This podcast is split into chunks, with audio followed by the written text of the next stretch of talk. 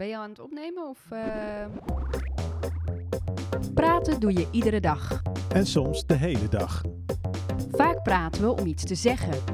Maar zelfs als we niks te vertellen hebben, dus ja, zegt hoe we praten al een hele hoop. Over wie we zijn Of hopen te zijn. en over hoe we woorden geven aan de wereld rondom ons. Mijn naam is Hanneke Baks. En ik ben Tim Bosselaar.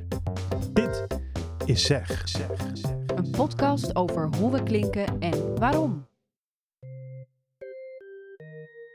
Zeg Tim, daar zijn we weer. Ja, daar zijn we weer, ja. Ja, Het is even geleden eh, zo. ja. wat gaan we doen? Ja, wat gaan we doen? Is Eh, dit, het, is dit de start van een, eh, van een nieuw seizoen? Ja, ik weet, het is de nieuwe start van een aflevering, dat sowieso. Dat, dat sowieso, ja. En iets wat al een tijdje op de planken lag. Meervoud, meerdere planken. Meerdere planken, ja, nogal wat planken lag. en eh, ja, wat eh, uiteindelijk een Valentijns special is geworden. Oh, wauw. Een Valentijn special. Nou, ik ben heel benieuwd. Want dit is, eh, dit is een beetje jouw verhaal. Ja, ik las dus een artikel ehm, over stemmen en een dating app. En wanneer je in die app een match hebt, eh, dan heb je naast de mogelijkheid om te chatten eh, ook de mogelijkheid om eh, stemberichten of voice memo's te sturen. En nou ja, ze geven dus aan dat twee op de drie daters, dat het twee op de drie daters zou helpen om de chemie te bepalen. En dat vond ik een heel interessant gegeven. Nou ja, maar twee op de drie daters zou dat dus helpen om een stem van tevoren al een keer gehoord te hebben voordat je aan een date begint. Want dat, dat is dan het idee, denk ik, of niet? Ja, dat je dan iets meer kan aftasten van, oh ja, dit past wel of nee, dit past gewoon echt niet. Ja, kan me wel iets bij voorstellen. Ja, want jij hebt al heel lang een vriendin, toch? Ja, echt al heel lang. Want weet, weet jij nog iets van het begin en, en over haar stem? Nee, eigenlijk niet. Ik weet niet meer wat ik daar toen van vond. Nee. Hoe zit dat bij jou? Want jij, hebt eh, wat, wat recenter iemand leren kennen. Nou, ik stond er ook gewoon helemaal niet bij stil totdat hij op vakantie was. En nou, hij stuurde wat vakantiefoto's en ik dacht, oh leuk. En toen stuurde hij me een filmpje waarin hij een beetje ging uitleggen ehm, eh, hoe het eruit zag en zo. En toen dacht ik ineens, wauw, wat heeft hij dan eigenlijk een lage stem. En hij heeft best een beetje een Haags accent. En, eh, en ik merkte dat ik daar gewoon vooral heel erg rustig en blij van werd. En veel blijer dan van alleen een foto. Dus toen stond ik er ineens wel wat meer bij stil. En ik denk dat als hij een heel hoge stem had gehad of een andere stem.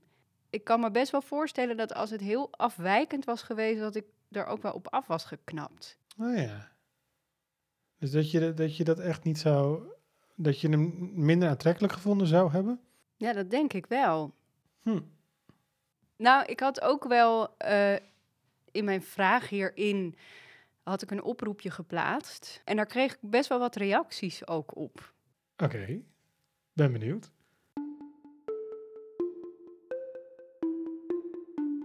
Het was op Parkpop en daar speelde een bandje. Dus dat bandje begon te spelen. En hij begon te zingen. En ik dacht echt, "Oh, dit is het mooiste geluid wat ik ooit in mijn leven heb gehoord. En ik was op slag verliefd. Ja, ik zat op Tinder en daar leerde ik een jongen kennen. Ehm, het was een hele lieve jongen, had zo leuke krulletjes en ehm, hij was ook heel slim. En we hadden het gezellig, dus we dachten, eh, laten we afspreken. En eh, hij kwam aanlopen en, eh, en hij zei hallo. en ik schrok echt heel erg, want er kwam zo'n laag geluid uit hem. Wow, het was echt mooi, maar ik, ik schrok gewoon omdat ik het zo niet had verwacht. Volgens mij was het eerste wat ik ook zei: Oh my god, jouw stem. Ik heb daar niet echt aan kunnen wennen bij hem.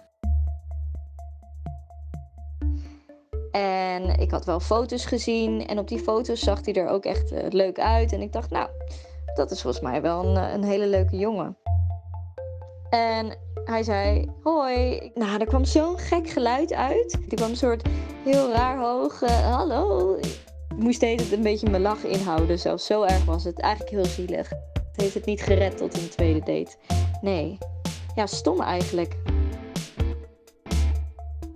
Was eh, 1985 en wij zaten eh, als punkmeisjes allemaal op school. En er was een nieuwe jongen op school gekomen. Hele knappe jongen, leek op John Taylor van de Duran Duran. Uh, bandplooibroeken, getoupeerd haar. Nou, we deden allemaal een moord om met hem te kunnen spreken. En op een dag had ik hem staande gehouden in de gang. En ik begon een gesprek met hem. En hij zei: Hoe vind je mijn haar? Vind je me niet lijken op Robert Smith van The Cure? Dat was echt de afknapper van de maand. Het, ja, dat, daarna was de liefde ook echt over. Uit deze verhalen zou je toch best op kunnen maken dat de stem echt wel een rol speelt in of je je aangetrokken voelt tot iemand of niet.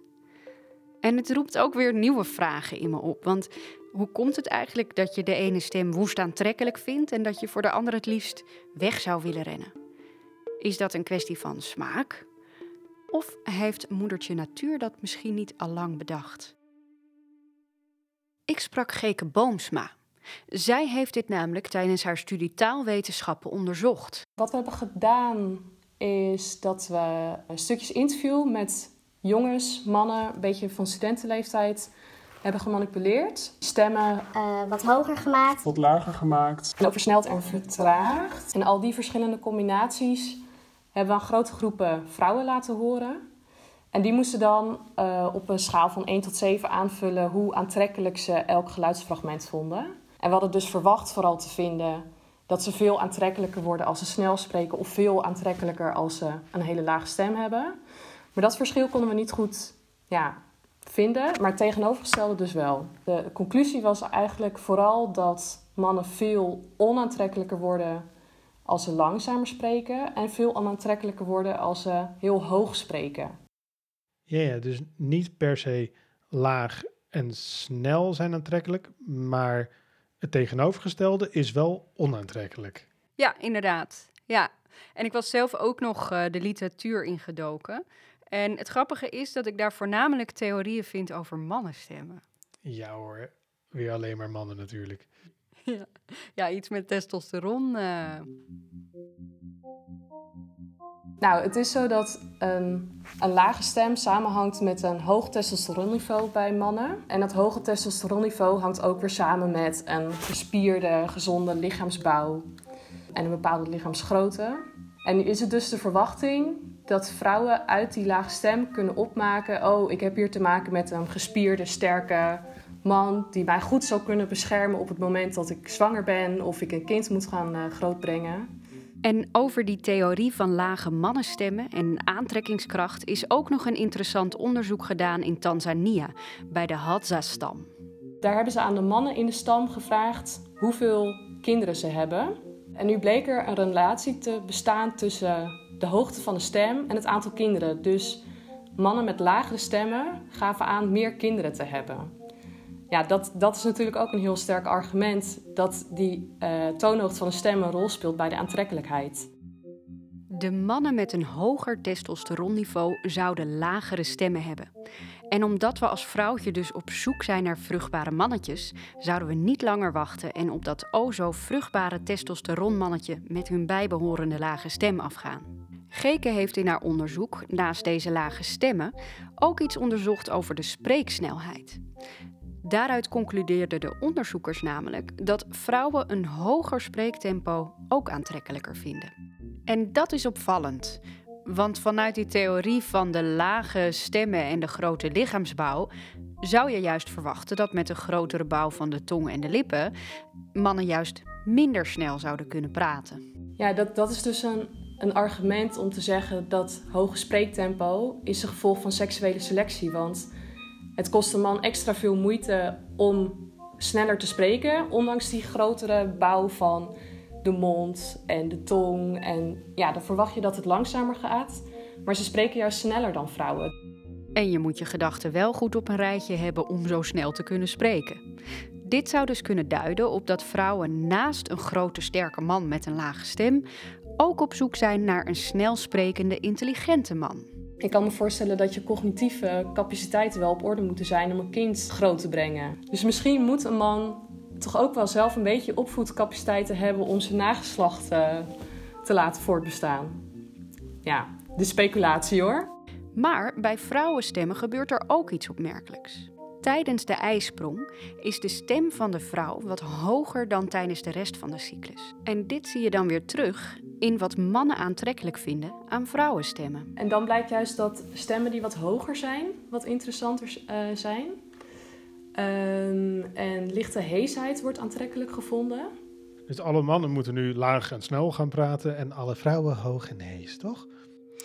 Nou, nee, daar is ook onderzoek naar gedaan. Op het moment dat je dat bewust gaat doen, dus als onderzoekers vroegen van, nou, wil jij je stem uh, verlagen tijdens het gesprek met het meisje dat uh, zo meteen de kamer binnenkomt, dan vonden meisjes dat die stemmen dus juist heel onaantrekkelijk. Dus ze hebben, blijkbaar heb je het heel goed door als iemand het faked.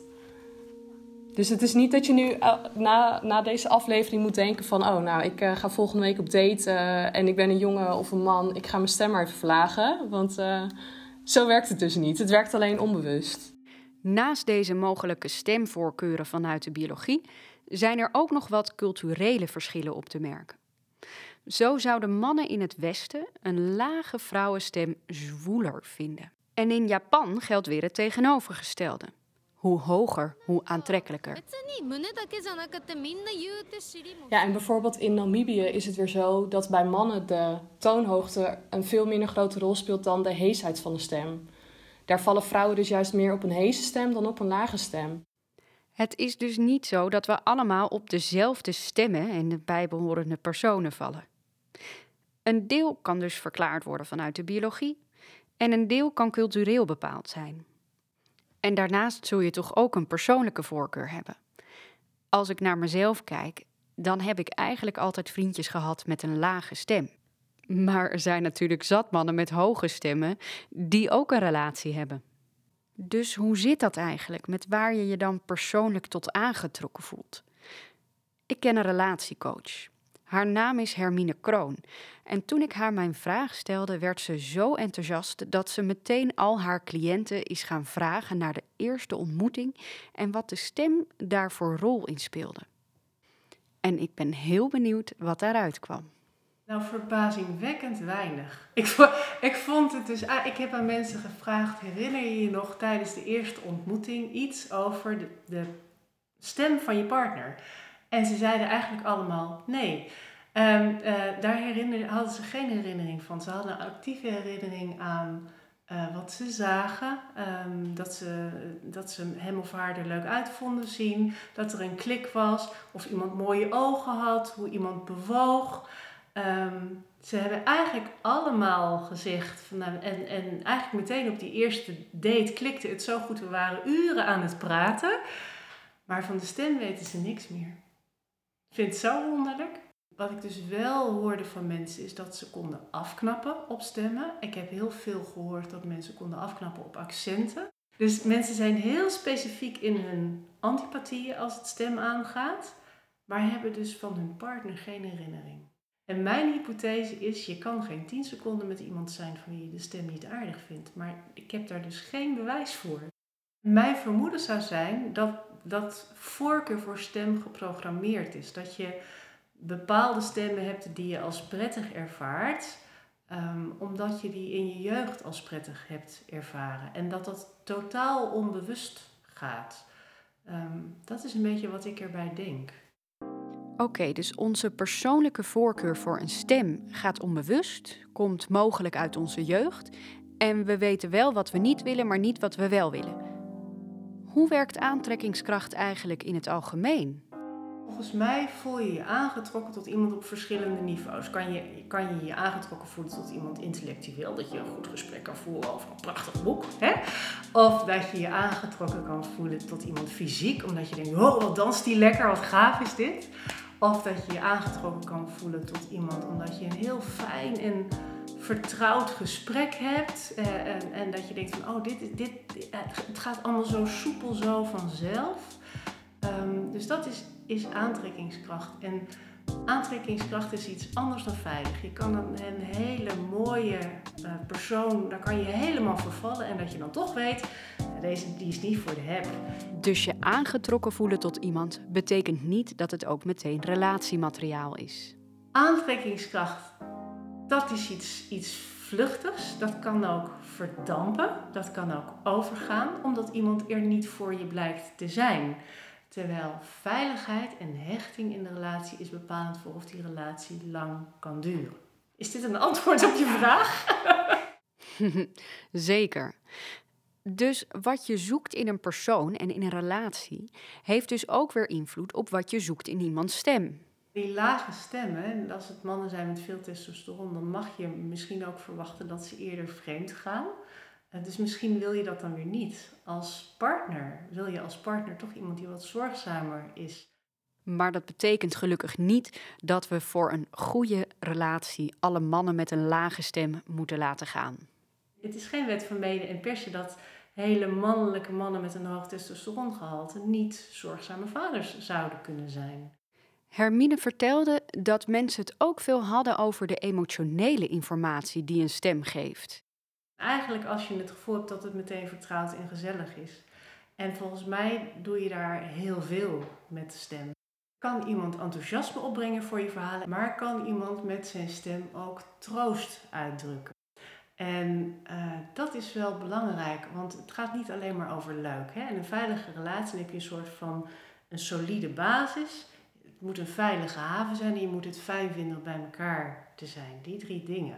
Uh, die solide basis en aanmoediging en enthousiasme, ja, dat is niet zo moeilijk. Maar troost is minstens zo belangrijk. Dus als jij iets vertelt dat een beetje kwetsbaar is en je kunt daarin troost ervaren in de stem van je date, dat is wel een goeie. Dat is heel belangrijk.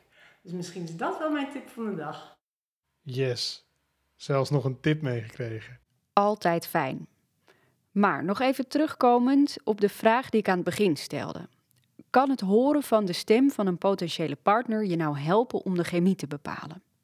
Nou, dat antwoord is best complex. Dus aan de ene kant hebben we te maken met de survival of the lowest and fastest bij mannen. En bij vrouwen dus die hogere stem van rond de ijsprong.